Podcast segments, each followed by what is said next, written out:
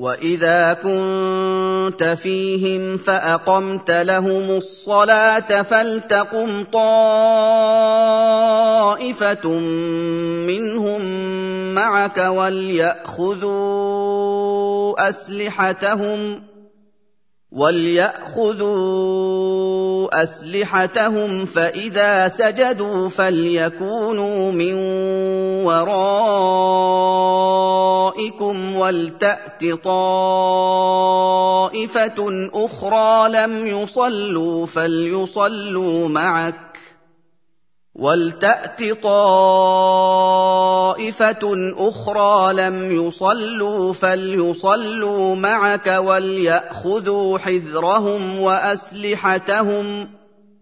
ود الذين كفروا لو تغفلون عن أسلحتكم وأمتعتكم فيميلون عليكم ميلة واحدة.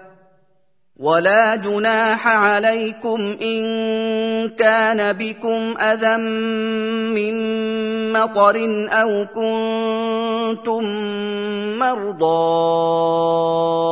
أن تضعوا أسلحتكم وخذوا حذركم إن الله أعد للكافرين عذابا مهينا Jika kamu, wahai Rasul, bersama pasukan saat memerangi musuh, lalu kamu hendak sholat berjamaah bersama mereka, maka bagilah pasukan menjadi dua kelompok. Satu kelompok berdiri sholat di belakangmu, hendaknya mereka tetap membawa senjata mereka dalam sholat mereka. Lalu satu kelompok lagi bersiaga. Jika kelompok pertama telah melaksanakan sholat satu rakaat bersama imam, maka mereka menyempurnakan sholat mereka sendiri-sendiri.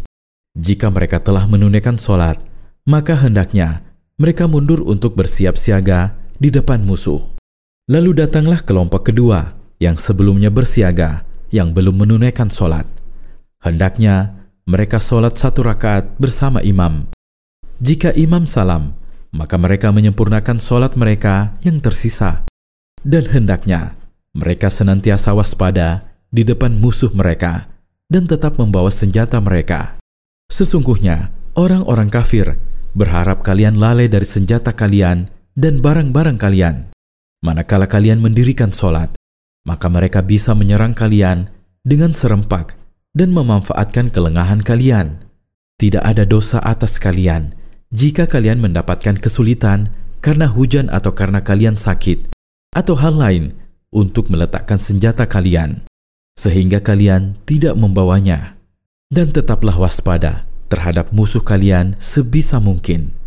Sesungguhnya Allah telah menyiapkan bagi orang-orang kafir azab yang menghinakan mereka.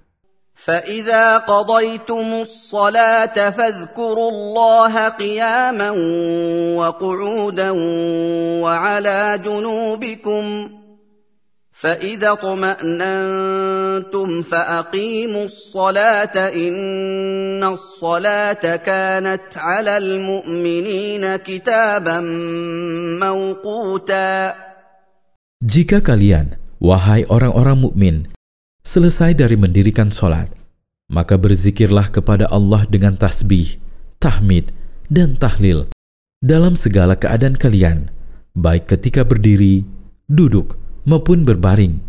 Jika kalian sudah tidak dalam keadaan takut dan kalian sudah merasa aman, maka laksanakanlah solat secara sempurna yang mencakup rukun-rukun, wajib-wajib, dan sunnah-sunnahnya, sebagaimana yang diperintahkan kepada kalian. Sesungguhnya, solat adalah kewajiban yang waktunya ditentukan bagi orang-orang mukmin. Tidak boleh menundanya dari waktunya kecuali karena uzur.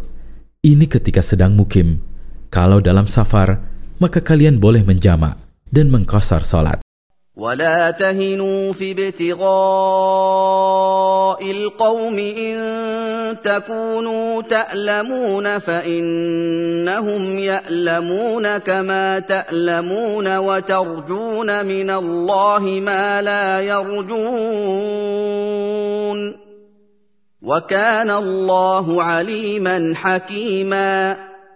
Jangan melemah, wahai orang-orang mukmin, dan malas, menghadapi musuh kalian dari orang-orang kafir. Jika kalian merasakan sakit karena luka yang menimpa kalian, dan sebagian dari kalian terbunuh, maka orang-orang kafir juga sama merasakan sakit seperti kalian. Apa yang menimpa kalian juga menimpa mereka. Jangan sampai kesabaran mereka lebih besar daripada kesabaran kalian, karena sesungguhnya kalian mengharapkan pahala, kemenangan, dan pertolongan dari Allah yang tidak mereka harapkan.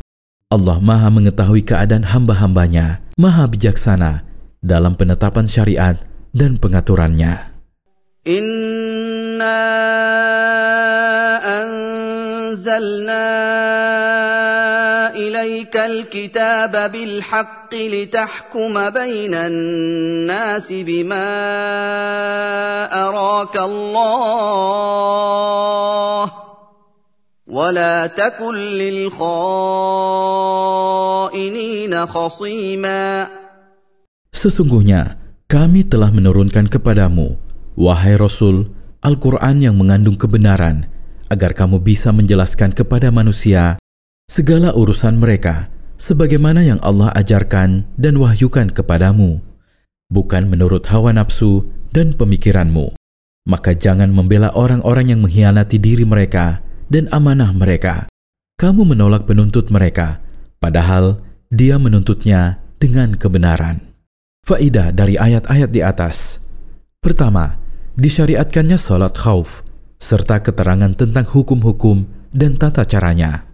Kedua, perintah untuk selalu berikhtiar dalam segala keadaan, dan bahwa tidak ada alasan bagi seorang mukmin untuk meninggalkannya, termasuk dalam keadaan ibadah. Ketiga, disyariatkannya zikir kepada Allah Ta'ala secara terus-menerus dalam segala keadaan, karena ia adalah kehidupan hati dan sebab ketenangan baginya. Keempat, kewajiban mendirikan sholat pada waktunya tanpa menundanya.